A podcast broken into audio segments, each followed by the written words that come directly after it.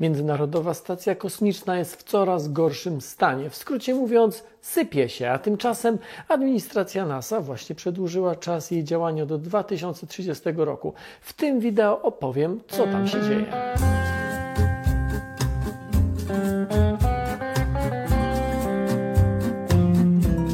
Stacja kosmiczna miała być jednym z kilku projektów naukowych, który miał łączyć wschód z zachodem.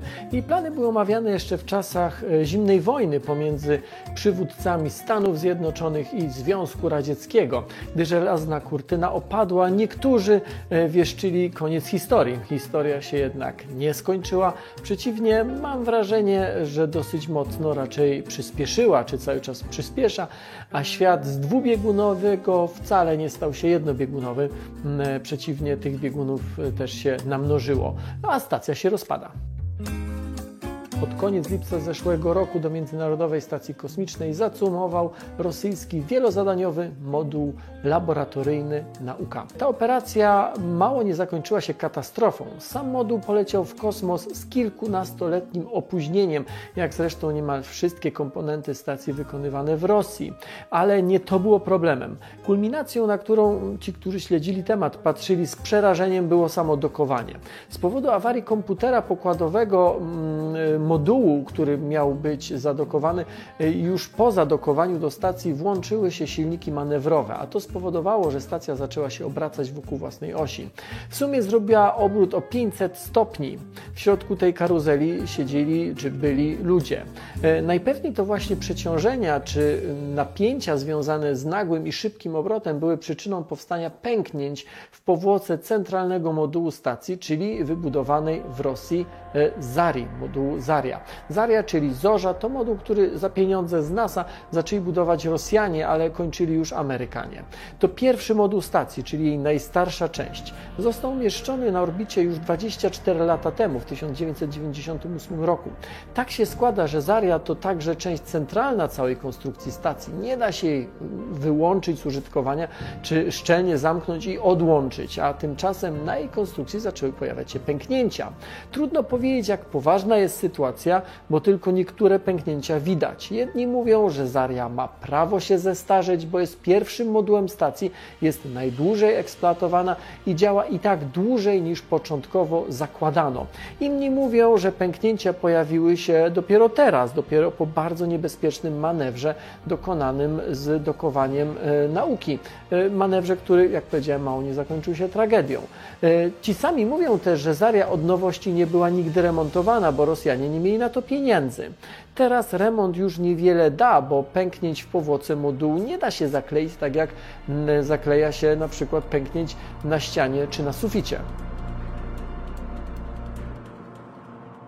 W pierwszych latach działania Międzynarodowej Stacji Kosmicznej Zaria była odpowiedzialna za produkcję energii, bo to do niej były doczepione te pierwsze ogniwa fotowoltaiczne.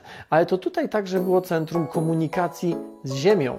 Gdy stacja się z czasem rozbudowywała o kolejne moduły, niektóre funkcje Zarii przejął inny rosyjski moduł Zwiezda, czyli gwiazda. Zwiezda jest w zasadzie pierwszym modułem, który Rosjanie e, wykonali czy wybudowali od początku do końca samodzielnie. Jego projekt był przerabiany, bo wstępnie moduł miał być początkiem budowy rosyjskiej stacji Mir-2. Mir-2 nigdy nie powstał, więc moduł przeprojektowano tak, by mógł być częścią Międzynarodowej Stacji Kosmicznej. W Zwieździe znajduje się, powiedziałbym, taka część socjalna. Są tam dwie kabiny załogowe z oknami, jest toaleta, jest kuchnia, jest e, malutka siłownia, jest też e, przejęte od Zari właśnie centrum komunikacyjne. Do jednego z trzech istniejących węzłów cumowniczych z Wjezdy pod koniec lipca zacumował moduł Nauka, od którego to wideo zacząłem. Gdy cumował, pomijając już styl, w jakim to zrobił, było już jednak wtedy wiadomo, że Zwiezda jest nieszczelna. Najpewniej w coś nią wcześniej uderzyło, może jakiś kosmiczny śmieć, a może jakiś mikrometeor. E, sytuacja jest przez niektórych określana jako trudna, przez innych jako krytyczna. Nieszczelność stacji znajdującej się na orbicie jest w sumie takim samym zagrożeniem dla ludzi jak nieszczelność na przykład batyskafu, który znajduje się na głębokości 8 km pod wodą.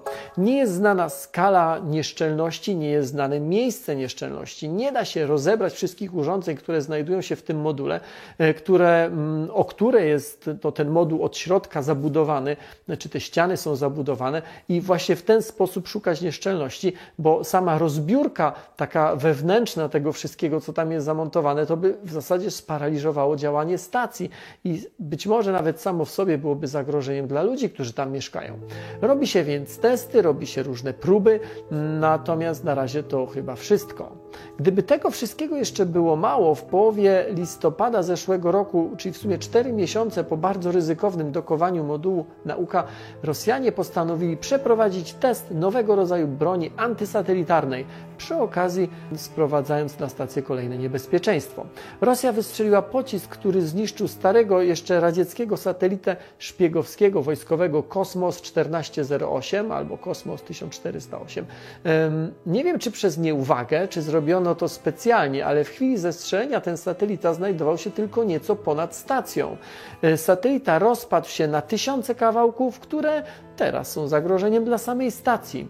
W oświadczeniu z połowy listopada zeszłego roku amerykańska agencja kosmiczna napisała, że stacja doświadcza podwyższonego poziomu ryzyka z powodu testów Rosjan. Żeby pokazać skalę problemu, stacja krąży na wysokości około 400 km nad naszymi głowami. Na orbicie, na której się znajduje, całkiem sporo śmieci. Co jakiś czas musi stacja włączać silniki i lekko zmieniać swoją trajektorię po to, żeby uniknąć kolizji. O tym, czy coś jej zagraża, informuje amerykańskie dowództwo kosmiczne, które śledzi tysiące większych kawałków satelitów, fragmentów satelitów czy fragmentów no, tych śmieci kosmicznych. E, w wyniku testu Rosjan dowództwo kosmiczne ma do śledzenia o 1500 obiektów więcej. Małych obiektów nikt nie śledzi, bo są ich setki tysięcy. Gdy chwilę po teście broni tej antysatelitarnej rosyjskiej stacja przylatywała w obszarze, gdzie tych odłamków było więcej, z Centrum Kontroli Lotów e, na Ziemi przyszedł komunikat, by ludzie przebywający na stacji czym prędzej schowali się do kapsuły Sojus i drugiej e, Crew Dragon, e, które w sytuacji jakiejś poważniejszej awarii, jakiejś poważniejszej kolizji mogłyby się odłączyć od stacji i ewakuować ludzi na Ziemię. Dla pokazania zagrożenia spójrzcie na to zdjęcie. Ono pokazuje skutki uderzenia w stację kawałka, który ma masę zaledwie kilkunastu gramów. Cała sytuacja na Rosjanach wrażenia nie zrobiła, choć w sumie wśród załogi na stacji obok czterech Amerykanów i jednego Niemca jest także dwóch Rosjan.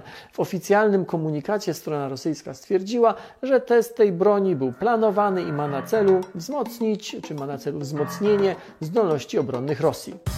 Patrząc na to oraz e, wiedząc, że Rosjanie już dawno zakomunikowali, że nie mają pieniędzy na remonty i nie mają zamiaru angażować się bardziej czy w budowę, czy w rozbudowę, czy w ogóle funkcjonowanie stacji, nikogo nie dziwiło, że od dawna pojawiały się głosy, że czas stacji się kończy, że jej dni są policzone. A tymczasem na początku stycznia tego roku okazało się, że nie, że NASA planuje, by stacja działała przez przynajmniej kolejnych 8 lat do 2030 roku. E, dla mnie to dość zaskakujące, bo w ostatnim czasie można było odnieść wrażenie, że Amerykanie myślami są już przy budowie stacji na Księżycu. Stacja, która powstała u kresu tego dwubiegunowego świata, powoli staje się wrakiem. Wspólne międzynarodowe projekty nie są już tak atrakcyjne, bo świat znowu podzielił się na bieguny. Tym razem jest ich więcej niż dwa, a na arenę weszły Chiny. Nie ma pewności zresztą, kto tym razem zwycięży, bo Chińczycy w przeciwieństwie do Związku Radzieckiego nie narzekają na brak pieniędzy, a to właśnie niedobór pieniędzy był powodem rozpadu imperium zła, jak o Związku Radzieckim mówił amerykański prezydent Ronald Reagan, który swoją drogą był chyba właśnie tym, który namawiał Gorbaczowa, czyli przywódcę Związku Radzieckiego, do wspólnej budowy międzynarodowej stacji kosmicznej. Amerykanie na jej rzecz zrezygnowali zresztą, i to też było za prezydentury Reagana, zrezygnowali ze swojego projektu stacji e, kosmicznej Freedom. Do roku 2030 jeszcze sporo się może zdarzyć, a jak się zdarzy y, tej materii coś ważnego albo w innej materii naukowej coś ważnego, na pewno o tym opowiem na Nauka to Lubię i to nie tylko na Facebooku i nie tylko na YouTubie, ale także na naukatolubie.pl. Dziękuję i zapraszam.